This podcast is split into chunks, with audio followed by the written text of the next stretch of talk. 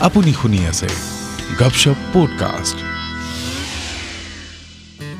জোনাকী সন্ধিয়াতে আইতাৰ সতে সেতেলিতে বহি শুনো যে কত মধুৰ সাধুকথা।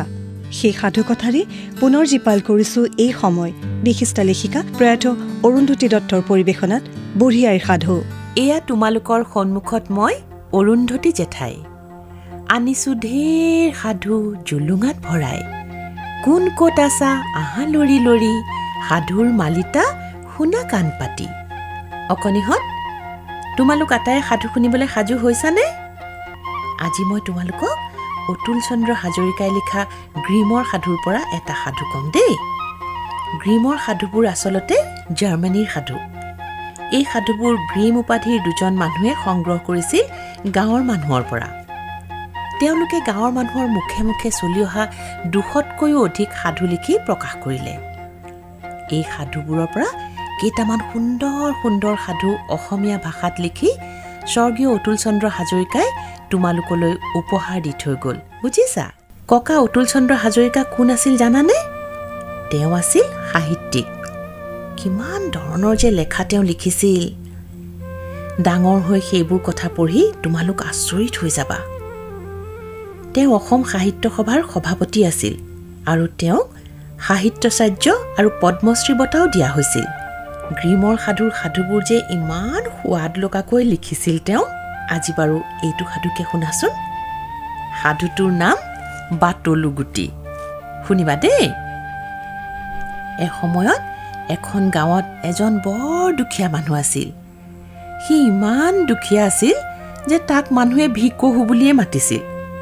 তাৰমানে তাৰ নাম আছিল ভিকহু আৰু তাৰ ঘৈণীয়েকৰ নাম আছিল কপাহী।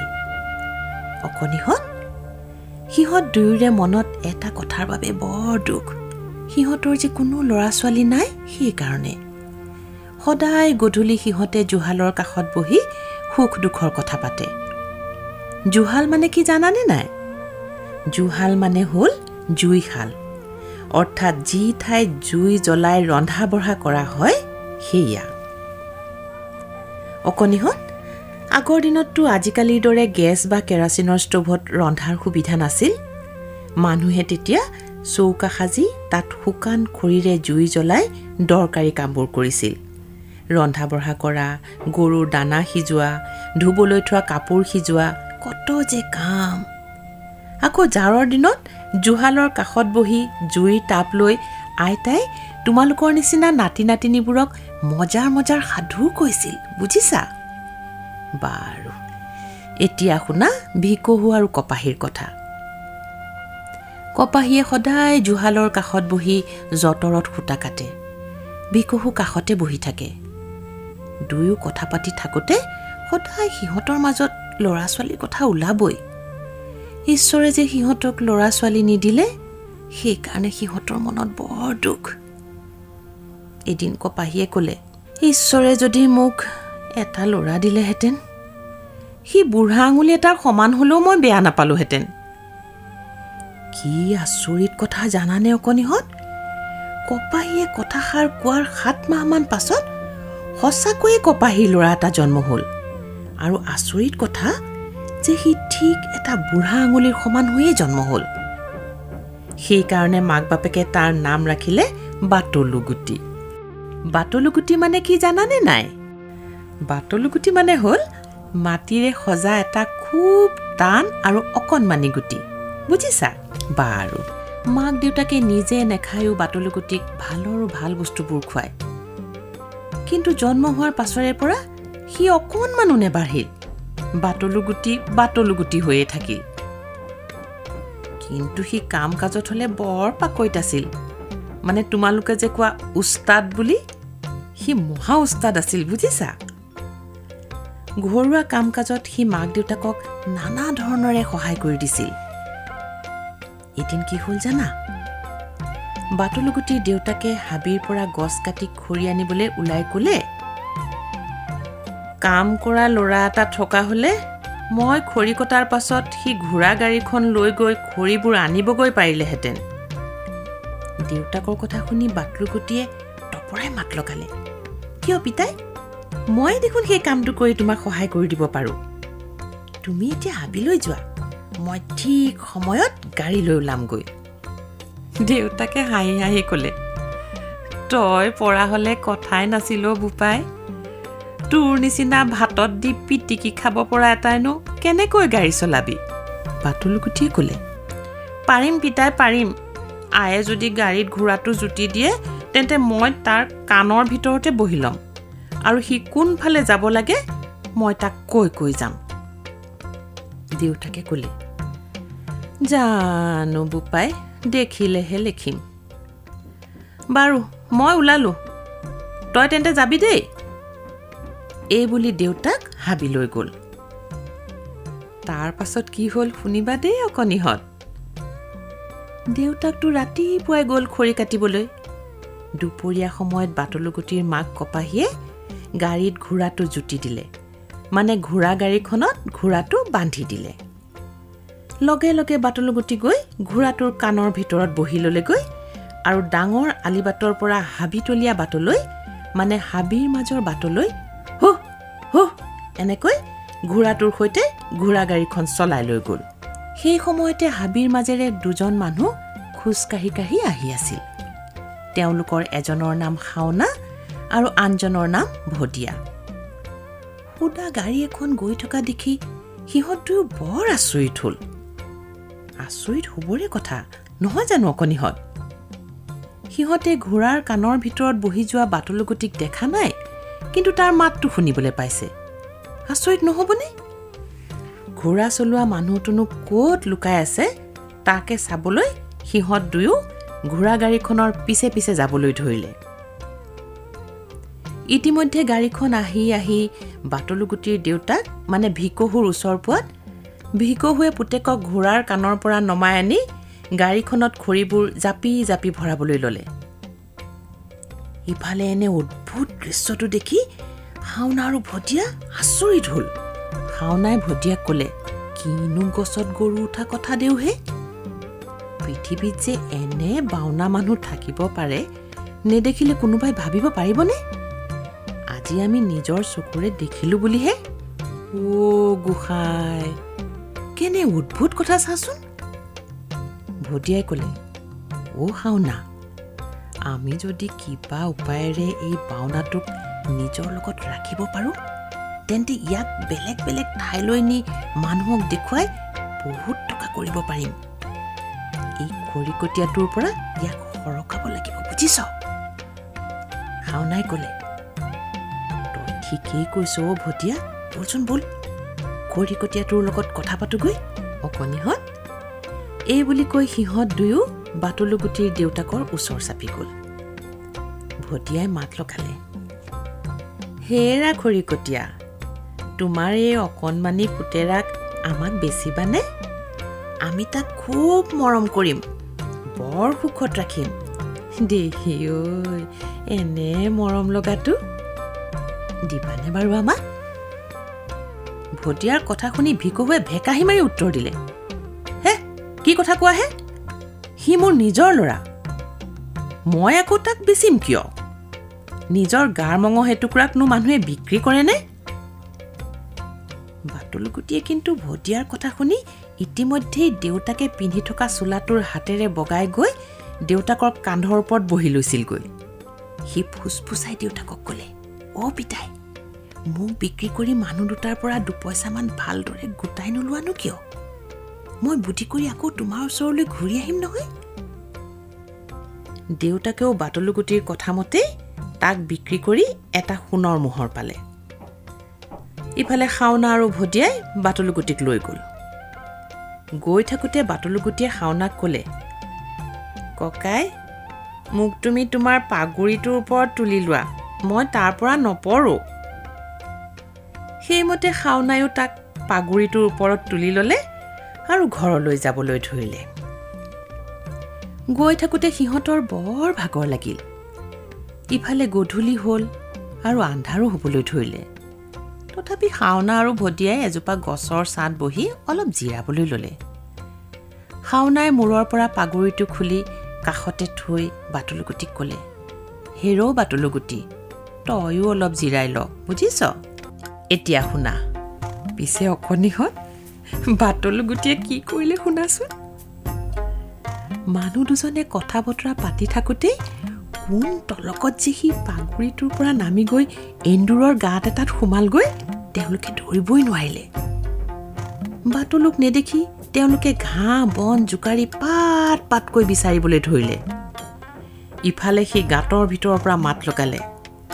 ডাঙৰীয়াসকল এতিয়া ঠোঁটমুখ চেলেকি ঘৰলৈ যাওকগে দেই! বাটলুৰ মাত শুনি মানুহ দুজনে আকৌ তাক বিচাৰিবলৈ ধৰিলে। কিন্তু ঘিটমিটীয়া আন্ধাৰত ক'ত বিচাৰি পাব তাক? উপায় নাপায় বাটলুক তাতে এৰি দুয়ো ঘৰলৈ গ'লগৈ। মানুহ দুজন যোৱা গম পাই বাটলুগুটি গাঁতৰ পৰা ওলাল। চাৰিওফালে আন্ধাৰ। সি ভাবিলে মৰিলো এতিয়া কি কৰোঁ?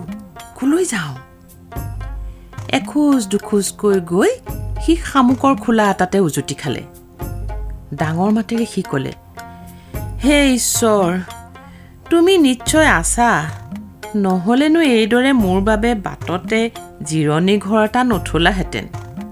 এই বুলি কৈ সি শামুকৰ খোলাটোৰ ভিতৰত সোমাই হাত ভৰি মেলি শুবলৈ ল'লে। তাৰ চিলমিলকৈ টোপনি আহিছিলে বুজিছা? তেনেতে সি কোনোবাই কথা পতা শুনি কাণ পাতি গম পালে যে দুটা চোৰে কথা পাতি আছে। এটা চোৰে কৈছে সেই ধনী মানুহৰ ঘৰত চুৰ কৰিবলৈ এতিয়া কেনেকৈ ঘৰৰ ভিতৰত সোমাওঁ? ভাতলু গুটিয়ে শামুকৰ পেটৰ পৰা মাত দিলে। মই তহঁতক বুদ্ধি দিব পাৰোঁ। চোৰ দুটা একদম ভয় খাই উঠিল। হোৱা সেইটো আকৌ কি? কোনোবাই কথা কোৱা যেন শুনিছোঁ? আচৰিত হৈ সিহঁতে ইফালে সিফালে চাবলৈ ধৰিলে। বাটলুগুটি আকৌ ক'লে মোক তহঁতৰ লগত লচোন। মই তহঁতক সহায় কৰি দিম। এটা চোৰে সুধিলে তইনো ক'ত আছ? বাটলুৱে ক'লে তহঁত কণা নেকি অ' তহঁতৰ আগতে মই শামুকৰ কোলাত ফষ্টি মাৰি শুই আছোঁ। দেখা পোৱা নাই নেকি? চোৰ দুটাই অলপ সময় বিচৰাৰ পাছত তাক শামুকৰ পেটৰ পৰা উলিয়াই আনিলে। বাটলুক দেখি সিহঁতৰ হাঁহিয়ে উঠিলে। এটা চোৰে ক'লে হেৰৌ টিপচি তইনো আমাক কি সহায় কৰিবি অ' বাটলুগুটিয়ে ক'লে মৰ কণা শুন শুন মোৰ কথা। মই মানুহ ঘৰৰ বেৰেৰে বগাই গৈ য'তে এটা ফুটা পাওঁ সেইফালে দিয়ে সোমাই গৈ ভিতৰৰ পৰা ধন সোণবোৰ উলিয়াই তহঁতক দি দিম আকৌ। তাৰ কথা শুনি চোৰ দুটাৰ মহা ফূৰ্তি লাগিল। সিহঁতি ক'লে চাব্বাছ পিটকলি চাব্বাছ বল এতিয়া। অকণিহঁত চোৰ দুটাই বাটলুগুটিক লগত লৈ ধনী মানুহজনৰ ঘৰ পালেগৈ বুজিছা? বাটলুগুটি তাৰ কথামতেই ফুটা এটাৰে ঘৰৰ ভিতৰলৈ সোমাই গ'ল আৰু চোৰকেইটাত লুকাই থাকি ডাঙৰ ডাঙৰকৈ চিঞৰি চোৰকেইটাক ক'বলৈ ধৰিলে। হেৰৌ তহঁতক লগা বস্তুবোৰ ইয়াতে আছে নেকি অ' চোৰকেইটাই ভয় খাই ফুচফুচাই ক'লে ঐ মৰিবলৈ ধৰা নিচিঞৰিবি গৃহস্থই সাৰ পাব। বাটলুগুটিয়ে সিহঁতৰ কথা নুশুনাৰ ভাও ধৰি আকৌ জোৰেৰে সুধিলে নক কিয়? বস্তুবোৰ ইয়াতে আছে নেকি অ' চোৰকেইটাই ফুচফুচাই ক'লে কি আছে সোনকালে উলিয়াই দে। বাটলুগুটিয়ে চিঞৰি ক'লে তহঁতে হাত মেলি থাক মই বস্তুবোৰ উলিয়াই দিম। অকণিহঁত বাটলুগুটিয়ে যি ভাবি চিঞৰি চিঞৰি কথা কৈছিল সেয়াই হ'ল। বাটলুৰ চিঞৰত ঘৰৰ ৰান্ধনীটোৰ টোপনি ভাগিল। বান্দি এজনী মানে কাম কৰা মানুহ এজনীও সাৰ পালে। সিহঁত দুয়োটাই চোৰ চোৰ বুলি চিঞৰ বাখৰ কৰিবলৈ ধৰিলে আৰু সিহঁতৰ চিঞৰত ঘৰৰ আটাইবোৰ মানুহ সাৰ পোৱা দেখি বাটলুগুটিক তাতে এৰি চোৰকেইটাই পলাই ফাট মাৰিলে। ঘৰৰ মানুহবোৰে লেম চাকি জ্বলাই চাৰিওফালে চাই কাকো দেখা নাপালে। সেইকাৰণে আটাইবোৰ গৈ আকৌ শুই থাকিলগৈ। বাটলুগুটিও চুঁচৰি চুঁচৰি গৈ ভঁৰাল ঘৰৰ এচুকত দমাই থোৱা ধান খেৰৰ মাজত উম লৈ শুই থাকিলগৈ। অকণিহঁত ভঁৰাল মানে কি জানানে নাই? ভঁৰাল মানে হ'ল ধান থোৱা ঘৰ। পথাৰৰ পৰা ধান কাটি আনি ধানবোৰ বছৰটোৰ বাবে যে এটা ঘৰত থৈ দিয়া হয় সেই ঘৰটোৰ নাম হ'ল ভঁৰাল। বাৰু এতিয়া শুনাচোন। ভঁৰালত ধানৰ কাষত থৈ দিয়া ধান খেৰবোৰৰ মাজত শুই থকা বাটলুৰ পাছদিনা পুৱা কি গতি হ'ল? পাছদিনা পুৱা ঘৰৰ কাম কৰা মানুহজনী মানে বান্দিজনীয়ে ভঁৰালৰ ধান খেৰ একোচা উলিয়াই আন দিনাৰ দৰে গৰুক খাবলৈ দিলে। ইফালে অকণমানি বাটলু গুটিটো সেইখিনি ধান খেৰৰ মাজতে লাল কাল দি শুই আছিল। গাইজনীয়ে ধান খেৰখিনি মুখত ভৰোৱাৰ লগে লগে বাটলুগুটিও গৰুৰ মুখৰ ভিতৰ সোমালগৈ। অকণিহঁত ফষ্টি মাৰি শুই থকা বাটলুৰ তেতিয়াহে টোপনি ভাগিল। বেচেৰা সি বৰ ভয় খালে বুজিছা? সি যাতে গৰুৰ দাঁতৰ চেপাত নমৰে তাৰ বাবে গাটো পিছলাই পিছলাই দাঁত দুপাৰীৰ মাজত ইফাল সিফাল কৰি থাকোঁতে এইবাৰ সি পিছলি গৈ একেবাৰে গৰুজনী পেটত সোমালগৈ। সি ভাবিলে এইবাৰ আকৌ ক'ত সোমালোহি? এই কোঠাটোত বৰ এন্ধাৰ দেখোন। ইয়াত খিৰিকী এখনো নাইনে? জোনবেলি পোহৰনো কোনফালে সোমায়? ইফালে গৰুজনীয়ে ঘাঁহ খাবলৈ আৰম্ভ কৰাত গৰুৰ পেটত থকা বাটলুগুটিক ঘাঁহে হেঁচা মাৰি ধৰিবলৈ ধৰিলে। সি টেটু ফালি চিঞৰিবলৈ ধৰিলে মই আৰু ঘাঁহ নেখাওঁ মই আৰু ঘাঁহ নেখাওঁ। বান্দিজনীয়ে সেই সময়ত গৰুজনীৰ গাখীৰ খীৰাই আছিল। গৰুৰ মাত ওলোৱা দেখি তাই বৰ ভয় খালে। তাইৰ হাতৰ পৰা গাখীৰৰ পাত্ৰটো মানে বাচনটো বাগৰি পৰিল। তাই গিৰিহঁতৰ ওচৰলৈ দৌৰি গৈ ক'লে অ' দেউতা দেউতা অ' বৰ আচৰিত কথা। আমাৰ গাইজনীয়ে দেখোন মানুহৰ দৰে কথা কৈছে। গিৰিহঁতে ক'লে কি কথা কৈছ? তই পাগলী হলি হ'ব পাই। বাৰু বলচোন কি হৈছে চাওঁগৈ? অকণিহঁত গিৰিহঁত আহি গৰুজনীৰ কাষ পাওঁতে বাটলুৱে গৰুৰ পেটৰ পৰা টেটুফালি চিঞৰিয়ে আছিল। মোক আৰু দানা নিদিবি অ' মোৰ পেট ভৰিল মোৰ পেট ভৰিল! এনেকুৱা নোহোৱা নুবুজা কথা শুনি ভয়তে গিৰিহঁতৰ গাটো ঠক ঠককৈ কঁপিবলৈ ধৰিলে।